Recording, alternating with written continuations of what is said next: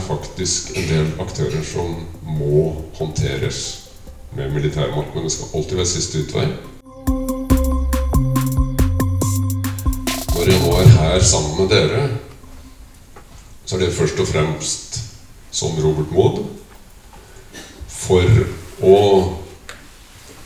spenne opp problemstillinger og refleksjon rundt emnet som dere kan velge å ta med dere eller lære. Jeg um, satt og, og, forberedte meg til, til, samtalen med dere og diskuterte med meg sjøl hvordan, hvordan skal jeg legge opp dette her. Da hadde jeg allerede hørt om at det var veldig gode stoler i, i dette lokalet.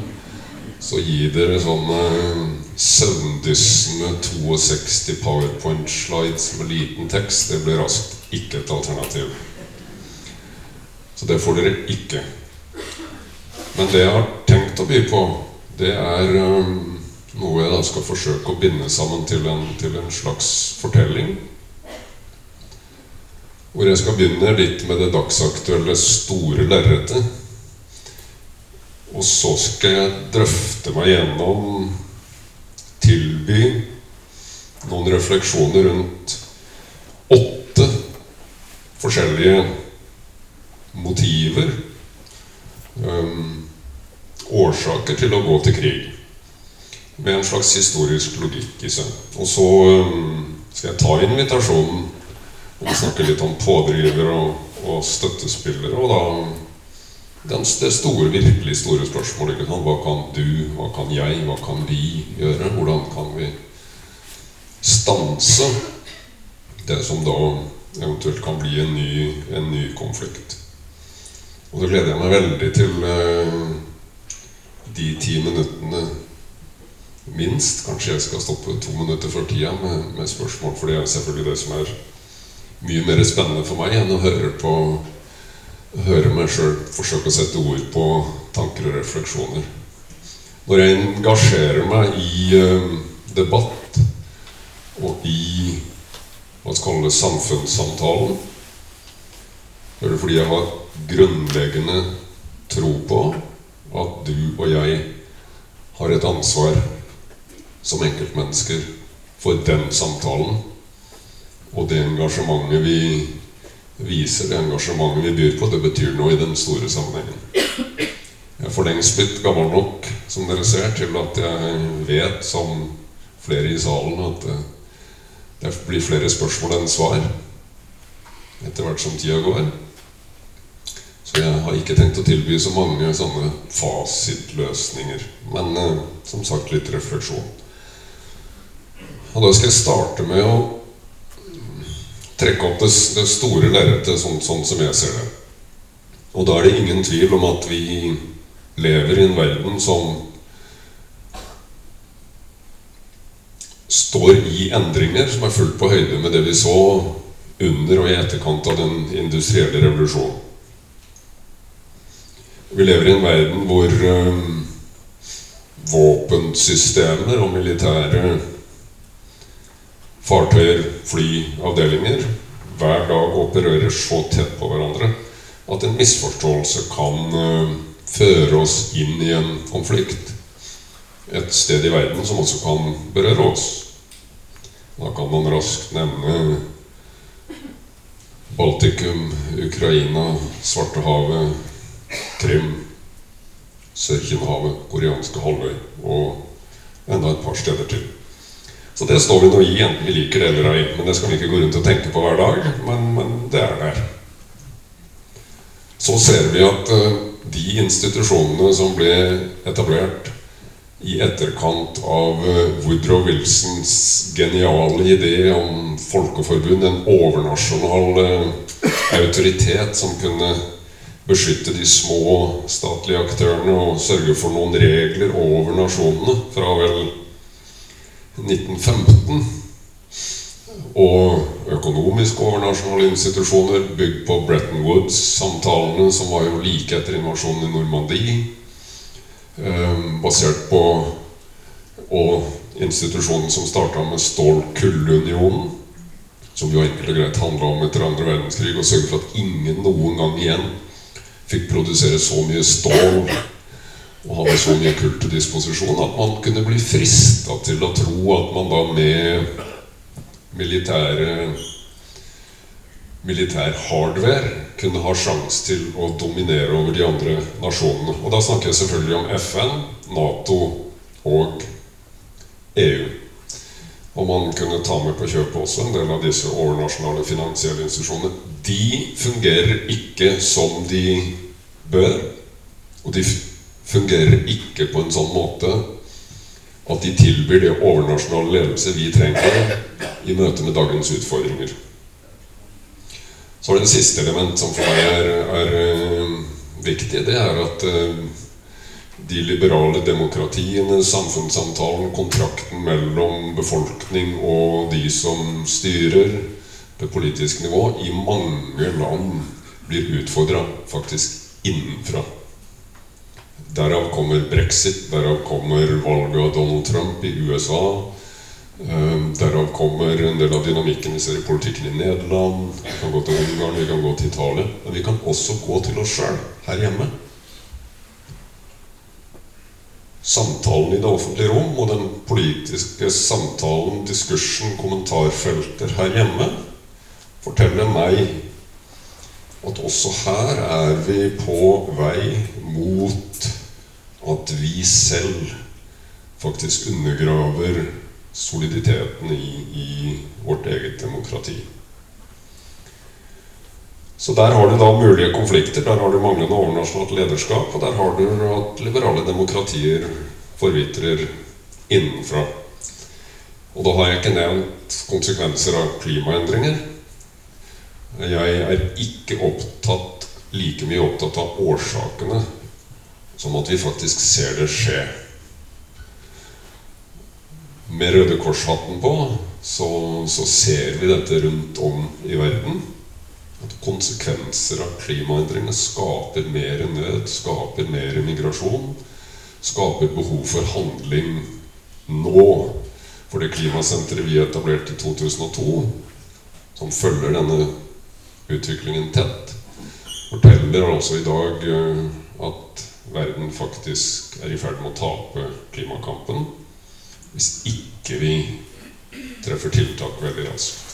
Så har du naturødeleggelser, og da har vi heller ikke snakka om cyberspace, altså det som skjer i det digitale rom, de nye sårbarhetene som er mye mer utfordrende enn å skulle se for seg at det kommer stridsvogner rullende over grensa i, i nord. Vi har ikke snakka om naturødeleggelser. Vi har ikke snakka om uh, at atomvåpen igjen er, er, en del av det over, over mellomstatlige dynamikken i utenriks- og sikkerhetspolitikken. Og vi har heller ikke snakka om at uh, vi er i en situasjon hvor militarisering av rommet faktisk skjer. Og så blir jo dette et veldig dystert bakteppe. da og jeg er, så, jeg er ikke så opptatt av å male, male denne Hva skal kalle det Unnskyld ordbruken fanden på veggen veldig tydelig. Men jeg er veldig opptatt av at vi må erkjenne hvilken verden vi lever i. Og vi må tørre å se utfordringene i øynene. Da kan vi gjøre noe med det. Og det som er et hovedbudskap i denne sammenhengen, eh, for meg, det er at både i Norge og i global målestokk så har vi aldri hatt et bedre utgangspunkt. Vi har faktisk aldri hatt et bedre utgangspunkt for å håndtere utfordringene og for å kunne gå videre. Men mot slutten skal jeg komme tilbake til noen av ingrediensene jeg mener vi da trenger for å, for å klare å, å, gjøre det. Så tre poenger eh, som henger sammen med min bakgrunn, da. Som jeg er stolt av. Jeg er mektig stolt av å ha fått uh, tjenestegjøre sammen med for å ha kommando over sikkert en del av uh, deres sønner og døtre, eller, eller, kanskje også noen av de som sitter i salen. Noen av de menneskene med mest imponerende integritet, med mest omsorg for sine nærmeste har jeg møtt i de miljøene. Det er jeg veldig, veldig, veldig stolt av. Og da er det ikke de jeg snakker om Når jeg sier at 40 år i uniform for Norge, Nato og FN rundt i verden har brakt meg fram til erkjennelsen, mens jeg fortsatt gikk i uniform, at militære maktmidler skaper flere problemer enn det løser, med mindre det settes inn som et underordna element i et helhetlig politisk prosjekt. Det må være startstedet før man i det hele tatt diskuterer å bruke militære virkemidler. Det andre poenget mitt er at vi har tendenser til en destruktiv poldannelse, om dere vil. En destruktiv misforståelse. Nemlig dette at i debatten, i samtalen, i hvordan man etablerer eh, mellom miljøene, har sånne vanntette skott. Jeg har vært heldig i parentes da jeg har blitt invitert på arenaer som, som, ikke alle generaler blir invitert til, og har hatt stor glede av det. Men det er for mange skott. Og det henger sammen med at vi har hatt en slags forestilling at hvis du er med i fredsbevegelsen, eller hvis du er for fred, så er du programforplikta til å være mot soldatene våre, mot militærmakt, mot det at man noen ganger faktisk må rydde opp på en kontant måte. Akkurat som at vi har levd i en misforståelse om at hvis du er hvis du har en pragmatisk erfaring som, som forteller deg at noen utfordringer må løses kontant og med bruk av statlig interessert makt, så er jo automatisk mot fred. Det er jo helt galt. De Uten å bringe det inn i rommet veldig grafisk De massakrene jeg har stått oppi ute, og en del av de aktørene jeg har sett utføre de, har leda meg til konklusjonen at det er faktisk en del aktører som må håndteres med militærmakt. Men det skal alltid være siste utvei. For militærmakt skaper flere problemer enn det løser. Med mindre det settes inn som et underordna element i et større politisk hele. Så kan dere være enig eller uenig i det. Um, det var den bredlerrete innledningen. Så skal jeg dra gjennom åtte motiver og reflektere litt rundt det. Hvorfor går vi til krig? Siden tidenes morgen så har vi jo slåss om mat og vann. Sant? I dag så ser vi det også i um, Sudan. Konflikten i Sudan det handler om krøtterfolk fra, og beitemarker uh, mot andre grupper med andre interesser. Vi ser det i Somalia, hvor faktisk for første gang også at ser vi at konsekvenser av klimaendringer er med å drive den krisen framover og gjøre den mer alvorlig for folk begynner å vandre. Vi ser potensialet med vann i Nilen, hvor altså statene langt der oppe, oppstrøms, opp mot møtet mellom den hvite og den blå Nil Noen av dere har sikkert vært i Khartoum, et fantastisk område. Men der tas det ut altfor mye vann i forhold til det som er nedstrøm. Så der har man hatt en sånn veldig eh, balansert eh, avtale da, om hvor mye man kan, kunne ta ut av vannet etter hvert som Nilen brer seg nedover. Som gjorde at alle, alle, fikk nok til at man kunne dyrke og, og var sånn rimelig fornøyd. Det er i dag under press. Og den avtalen som, som har regulert vann i Nilen, den eh, er nå For et par år siden ble den justert på en sånn måte at uh, noen av partene mener det er urettferdig. Og hvis da tørke, matmangel, disse tingene, disse tendensene skyter fart i åra som kommer, så kan det føre til faktisk storkrig i, i Midtøsten. Så til ressurser. Noen av dere har helt sikkert lest boken uh, 'A Line in the Sand'. Det er historien om Sykes og Picot når de i etterkant av uh, Balfour-erklæringen, hvor den britiske utenriksministeren sendte et brev til uh, sionistbevegelsen og, og sa Storbritannia kom til å jobbe for et hjemland for jødene i Palestina.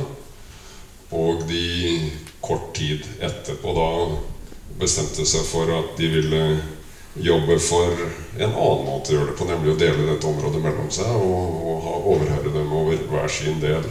Det som da foregikk, var iallfall Sykes og Picot, en brite og en, en franskmann, som, som, reiste i dette området. Allerede da var det altså rivalisering rundt eierskapet til Mosul og ressursene der, som var en driver i hvordan da Frankrike og Storbritannia, datidens stormakt, skulle stormakter, særlig i det området, skulle på en måte gå videre med ressursfordelingen i dette området. Den nyeste storkrigen som handla om ressurser, var kanskje Desert Storm 91. Hvor vi ikke sant, eh, så Saddams invasjon av Kuwait. Eh, og da i etterkant storkrigen som la grunnlag for neste krig. Som vel i sin essens handla om ressurser. Så det tredje som jeg syns er litt eh, Litt viktig å reflektere ganske tungt over, det er tilfeldigheter. Um, det er skrevet fryktelig mange bøker om, om veien fra den industrielle revolusjon, konkurranse om markeder, konkurranse om havene for å komme til markedene og alt dette her. Men en bok som er skrevet uh, om opptakten til første verdenskrig, heter 'Sleepwalkers'.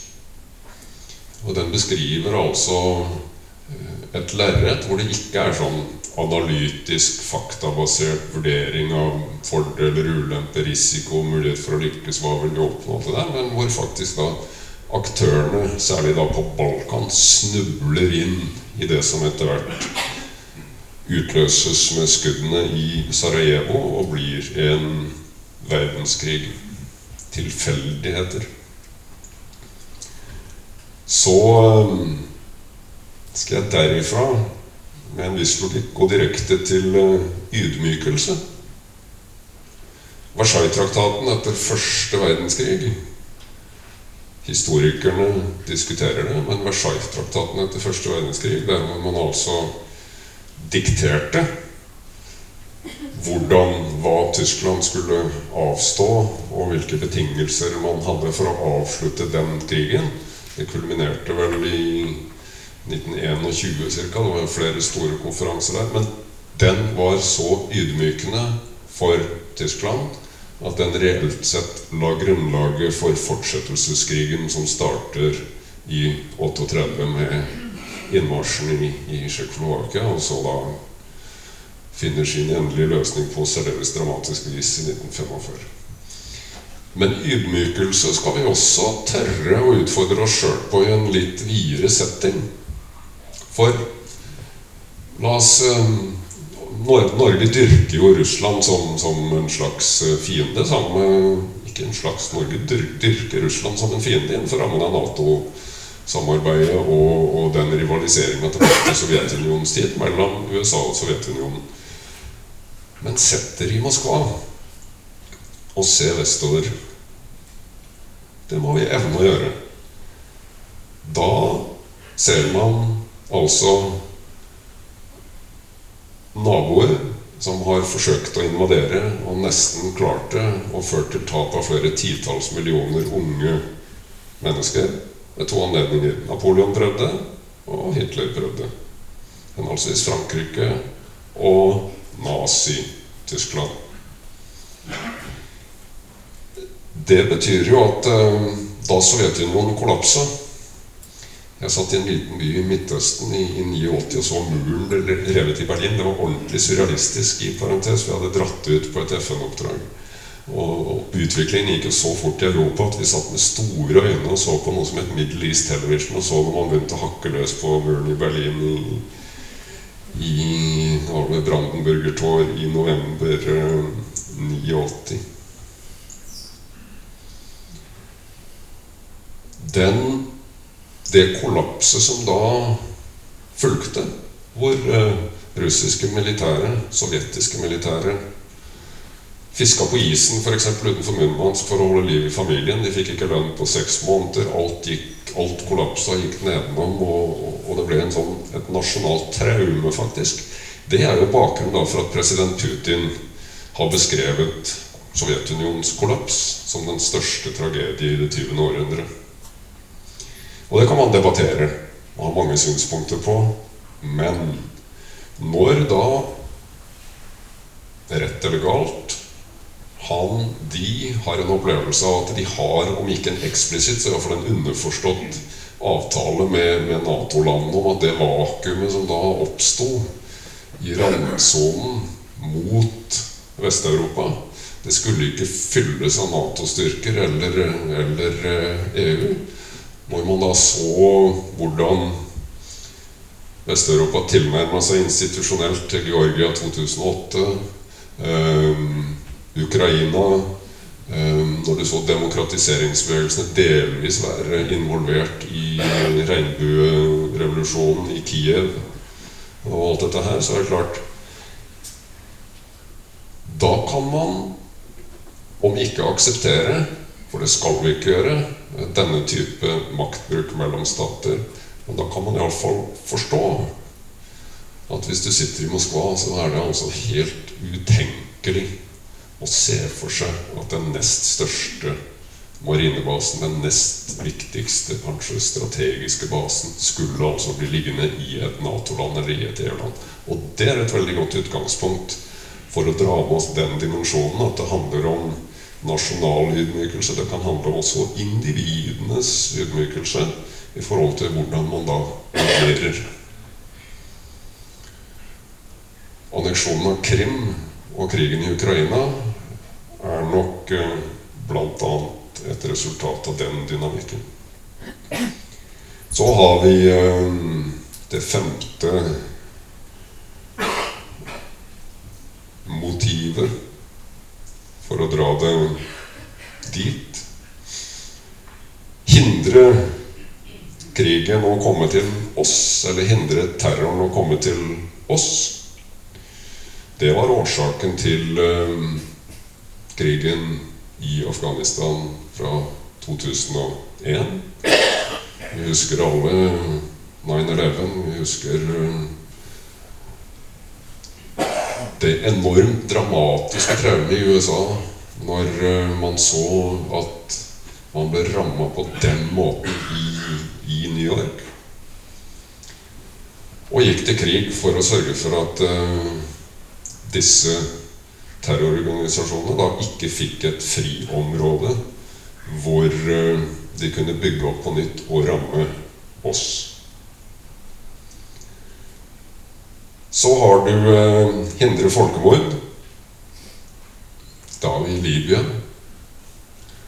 I 2005 tror jeg det var, så ble det behandla en, eh, en sak i FN i New York som het 'Responsibility to Protect'. R2P ble det forkorta. Det var på bakgrunn av at FN ble stående og se på et folkemord i Rwanda. Romeo Daler, canadisk senator i dag, som leda den innsatsen. Og her i Europa, i Srebrenica. Der eh, ble det altså en, en, et intenst arbeid som uh, kulminerte med Brahimi-rapporten, som det het, i år 2000, og som gikk videre med Ramos Horta, som leverte, leverte i 2016 til uh, 2015 unnskyld, til FNs generalsekretær. Jeg hadde gleden av å lede et arbeid med 23 tidligere styrkesjefer, og et innspill der var spennende. Men det som var skuffende, var at FN hadde altså ikke kommet veldig mye videre i forhold til å være effektiv til å bevare freden i den type situasjoner siden Rwanda og Srebrenica. Ikke desto mindre Sikkerhetsrådets eh, mandat, støtte til aksjonen i Libya, handla om først og fremst å forhindre at Benghazi-situasjonen utvikla seg til et folkemord. Svøpen med Libya-operasjonen var jo at og det er det ganske unison faktisk eh, konsensus om på begge sider av disse naturlige skillelinjene i internasjonal politikk, som ofte går med Russland og Kina på den ene sida, Frankrike, Storbritannia og USA på den andre siden. At det, det mandatet som handler om å stanse muligheten for et folkemord med utgangspunkt i Benghazi, det ble tøyd eh, og noen ene sida sier misbrukt, den andre sida sier helt naturlig forlenga til å styrte regimet og vi så der Gaddafis endelikt. Men den utviklingen på bakken i forhold til et snevrere mandat er noe av det som blokkerer da internasjonal politikk i dag. Fordi at uh, Russland og til dels Kina bruker det mot de tre vestlige landene og de permanente fem medlemmene i Sikkerhetsrådet. Hver gang at dere brukte, dere brukte muligheten for å stanse et folkemord for egentlig det dere ville, som var å stanse et regime. Um, så til det syvende poenget i forhold til motivene. Å stanse ideologier. Den klassiske situasjonen der er at vi går til krig når vi blir pressa langt nok for å stanse f.eks.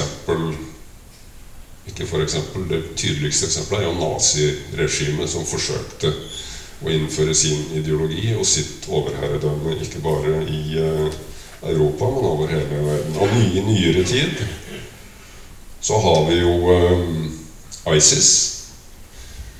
Um, jeg så Al Qaida komme inn i Syria um, før jeg dro derifra siste gang um, på det oppdraget i juli 2012.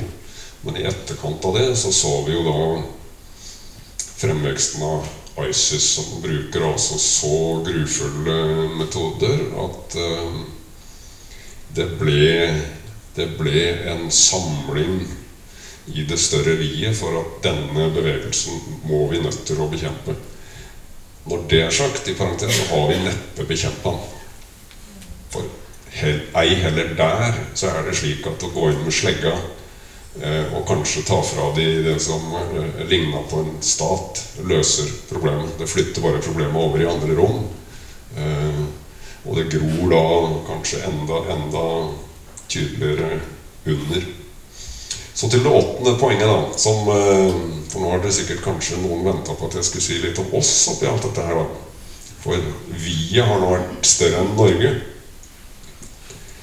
Og det er klart at eh, for Norge, som har en grunnleggende demokratisk tilnærming til eh, forsvar og alle generaler og er godt uh, innforstått med at hvis politikerne sier at de skal gå til høyre, og de sjøl har lyst til å gå til venstre, så kan man si imot et par ganger, men så går du til høyre. Og det er man stolt av. Og det er noe av det aller, aller viktigste. Det er derfor mange, mange går, i, går, i, uniform. Og det betyr jo at uh, når vi da har selv, som et veldig stort land Hvor ofte har du hørt at Norge er et lite land? Det er ikke sant. Norge er et av verdens største land, verdens nest lengste kyststripe. Vi har ansvar for 30 av, av gassforsyningene til Storbritannia. Vi er et stort land, og sjøterritoriet er sju ganger større enn landterritoriet osv. Norge er et veldig stort land. Hvor ofte har du hørt at Norge er verdens rikeste land? Er bløff det òg sant? Det er bare bløff. Hvis vi fordeler denne oljeformuen som, man tar opp uh, av havet og fremtidige inntekter fra Sverdrup-feltet og en del sånne ting på hver av oss, eh, drøye fem millioner mennesker, så står det bra til. Men hvis du går inn på oversikt over landet, da er vi veldig langt fra verdens rikeste land. Jeg tror vi er på 29. plass eller sånn cirka, etter de metoder som er, som er anerkjent. Så det betyr at vi har et veldig stort land som er strategisk utsatt, og har begrensa økonomiske ressurser. Tillegg så har vi siden Sovjetunionens sammenbrudd bygget ned av mange gode grunner og bygd om vårt eget forsvar.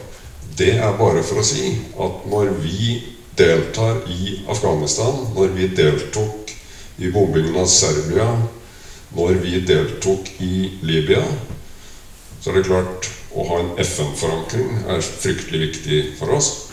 Men det er jo uttalt også av kommisjonen som så på, så på Afghanistan-innsatsen og andre, at det, her handler det selvfølgelig om å investere i en mulig støtte fra vår største allierte, fordi at vi vet at vi er 100 avhengig av vår største allierte hvis en krise skulle ramme oss.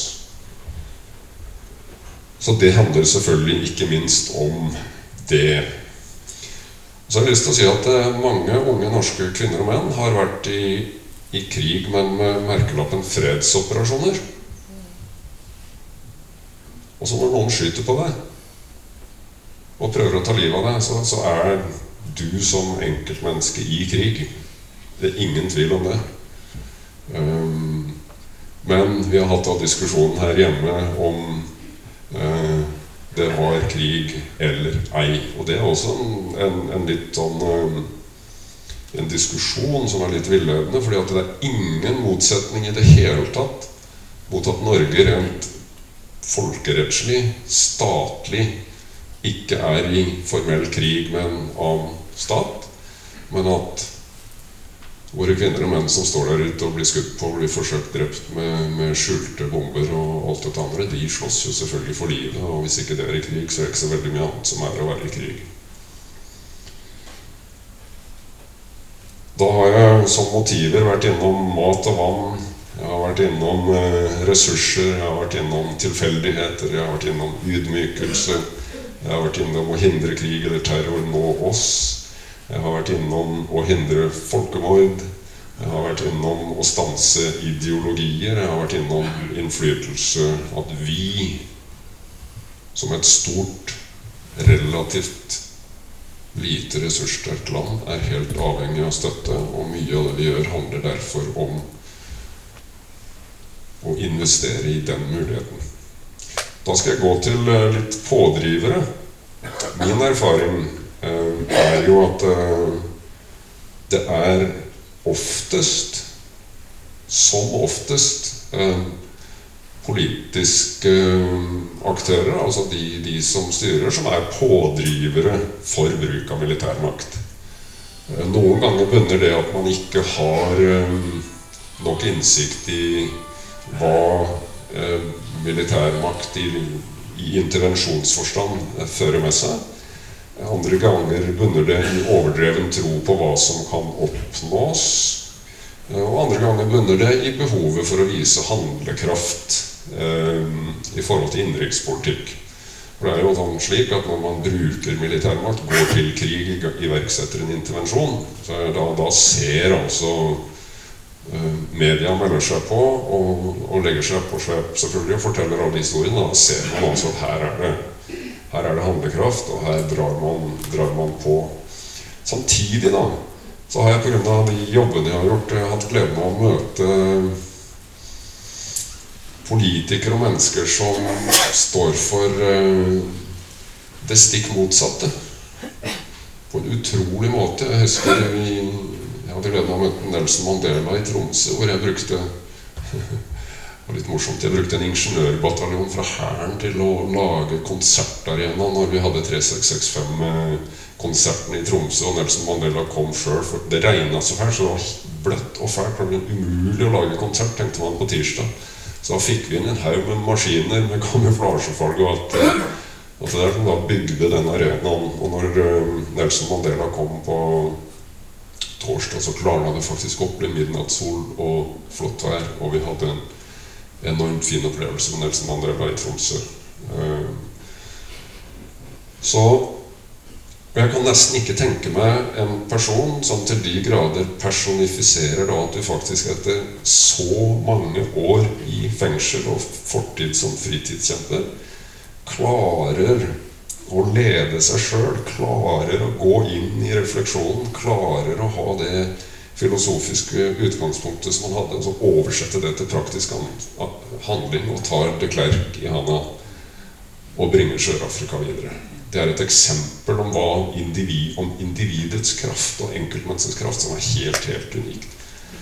Så har jeg hatt gleden av å jobbe sammen med Kofi Annan på, på det siste fryktelig vanskelige oppdraget han tok på seg i Syria. Og min jobb var inni inne i Syria og møte mange forskjellige aktører og stå oppi det, mens han med sin autoritet, sin milde milde, insisterende overtalelsesevne.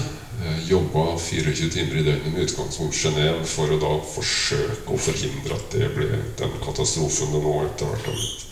Så det er ikke, ikke svart-hvitt, men eh, hovederfaringen er altså at det er eh, den type politikere jeg nevnte i første del av denne kommentaren, som, som oftest er pådrivere for bruk av militærmakt. Og det er riktig som ble sagt i innledningen.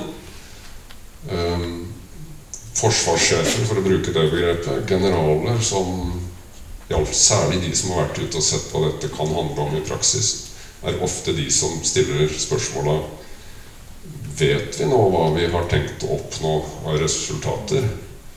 Eh, hvis vi skal forsøke å gjøre dette, kjære NN, uh, så må vi faktisk bruke så mye virkemidler, så sterke virkemidler osv. Og, så og så blir man stående i et sånt spenningsfelt mellom politiske mål og det som er mulig å gjøre og umulig å gjøre med militærmakt. Så fra militær side så jeg er subjektiv, så dere får bare tro, tro hva dere vil. Men fra militær side så har man ofte det altså advart imot. Og der er jo Colin Powell den, den desidert mest kjente, som da står for sitatet at 'if you break it, you own it'. Og det var det han brukte som advarsel når den amerikanske presidenten, som jo har fullmakt til å iverksette en operasjon i 90 dager før han må gå til Kongressen, eh, får altfor mye lyst da til å dra i gang. Så har du selvfølgelig elementer av eh, organisert kriminalitet.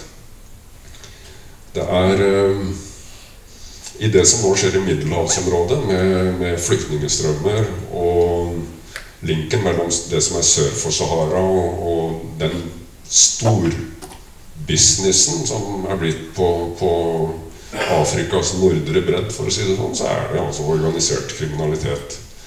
Som tjener mer penger, jo vanskeligere det blir for eh, desperate flyktninger som bruker, har skrapa sammen alt de har av, eh, av verdier for å komme seg over Middelhavet. Disse er jo selvfølgelig ikke pådrivere i formell forstand, men dynamikken gjør da at man agerer på en sånn måte selvfølgelig at uh, i en del sammenhenger så er de tjent med at det blir militær uh, konflikt. Familie. Jeg møtte um, Bashar al-Assad under fire øyne um, ved et par anledninger, og vi hadde et par lange, veldig krevende samtaler på oppdrag fra, fra Kofi Annan. Eh, han ble beskrevet eh, på den måten at en, mye av det han gjorde, det hang sammen med at hans mor, altså kona til Hafez Assad, hun var eh, familiens pådriver for den kompromissløse linjen i forhold til majoriteten av sunnimuslimer i Syria. Og når mellom 25 og 40 000 sivile ble drept nådeløst av Hafez i 1982, eh, så så Bashar det, og Hafez døde jo, og derfor Bashar, sønnen, ble kalt tilbake etter at Basil, Basil døde, han som egentlig skulle overta, og, og Bashar kom fra London. Så eh, var hun, ifølge mange av de vi fikk kontakt med på insidersida, den som satt og hviska Bashar i øret hvordan han nå måtte opptre når han skulle håndtere et opprør som starta i Dara i 2011. Så den dimensjonen eh, kan nok også ha noe med å gjøre. Jeg er blant de som mener bestemt at religion ikke ikke er årsak til krig eller en pådriver for krig. Um, jeg har venner blant um, alle religionene har vært på middag hos alle religionene i forskjellige deler av Midtøsten, og de er akkurat som deg og meg. De er opptatt av sine barnebarn, de er opptatt av mat på bordet, helse, utdanning, sikkerhet og alt det der. Men så har du noen ekstreme krefter i mange forskjellige eh, miljøer som hvis de misbruker i en politisk kontekst eller i en maktkontekst, selvfølgelig gjør religion til en ingrediens i konflikt og spiller på det. Så har du eh, konsekvenser av klimaendringer. Jeg nevnte det innledningsvis. Det er faktisk nå i Somalia noe som driver en konflikt videre, når vi er på da, den type dynamikk, og ikke personer. Saudi-Arabia og Iran er jo i en kompromissløs konflikt med hverandre. Den konflikten utkjempes i Irak og Syria og et par steder til.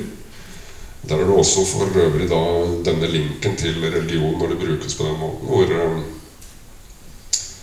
hvor eh, denne implisitte avhengigheten mellom de ekstreme sunnimuslimske presteskapene i Saudi-Arabia og kongefamilien med alle sine goder og, og det som følger med, er noe av det som gjør at eh, man f.eks. da er inne med støtte til en del av de helt ekstreme aktørene i uh, Syria og Irak. Minoritetsbiten mot majoritet er en annen bit. Så kan vi stanse dette her, da? To minutter refleksjon på slutten. Ja, jeg er helt overbevist om at verden, og Norge for den del, Norge og verden har aldri hatt et bedre utgangspunkt når det gjelder teknologi, ressurser og det vi ser virker, enn i dag. Og dere vet at verden har altså løfta halvparten av de som levde i fattigdom for uh, ganske kort tid siden, opp av fattigdom. Altså, betydelig færre som lever i fattigdom i dag. Det er mange flere barn som går på skolen, mange flere kvinner som går på skole. Vi lykkes med vaksinasjonsprogrammer osv.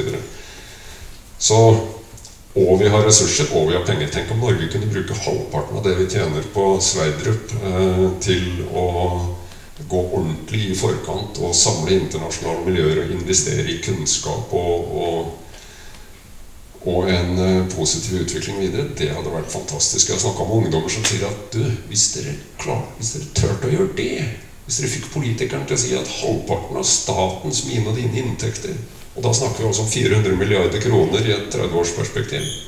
Det bruker vi nå på sånn satsing. Da ville de blitt uh, stolte. Så vi har verdens beste utgangspunkt. Men vi må se utfordringene i øynene. Vi må ikke late som det ikke er der. Vi må ikke prate det bort. Vi må ikke snakke om Norge som et lite land. Vi må ikke snakke om Norge som verdens rikeste land heller. Vi må erkjenne hvor vi bor, hva som er utfordringen, hvilket uh, forsvar og politi vi har og så bruke det som utgangspunkt gå videre. Og du og jeg har et ansvar for å revitalisere demokratiet. Det du får når du leser når du kjøper norske aviser i kiosken i dag, det er et resultat av hvilke aviser vi kjøper. Det du får på nettsiden i dag, det er et resultat av hva vi klikker på. Så det er du og jeg som bestemmer hvor ofte disse tåredryppende historiene om barn hvor ofte disse grafiske bildene av forskjellige ting som vi liker å klikke inn på, skal komme i avisa istedenfor aktuelle nyheter. Det er du og jeg som bestemmer hvordan politikerne våre skal agere på Stortinget. Vi må revitalisere demokratiet. Og en del av det er ledelse og internasjonale institusjoner. Det handler først og sist om mennesker. Handler først og sist om mennesker. Enten jeg er i Sudan, enten i Irak, i Afghanistan, på Balkan, i Syria, i Midtøsten eller hvor jeg har. Det handler om mennesker. Det handler om våre valg. Det handler om vårt engasjement. Vi må ikke resignere og bli desillusjonerte. Vi må tørre å stå i den logikken at et robust Fellesskap det gir, det skaper individuell frihet til å tenke, si og gjøre det vi vil med våre liv. Og jobbe mot forestillingen om at maksimal individuell frihet bidrar til å styrke fellesskapet. Det gjør det ikke. Og når vi ser den globale identiteten gå hånd i hånd med lokal identitet i en tid som er minst like omveltende som det den industrielle revolusjonen var, så må vi tørre å ta tak i de problemstillingene. Da er det ikke sikkert at sentralisering, markedsøkonomi, eh, lønnsomhetstankegang, eh, utsetting av prosjekter eh, til Huawei og andre er det mest fornuftige å gjøre. Og til slutt en hyllest til frivilligheten. De positive resultatene jeg nevnte, og det vi har fått til, handler ikke minst om frivillighet på mange arenaer, mange organisasjoner. Så da skal jeg stoppe med å si at uh, på nytt gratulerer med dagen til uh, de som inviterte meg. Eh, For meg har det vært hyggelig å være bursdagsgave så langt. Håper dere har fått litt å tenke på.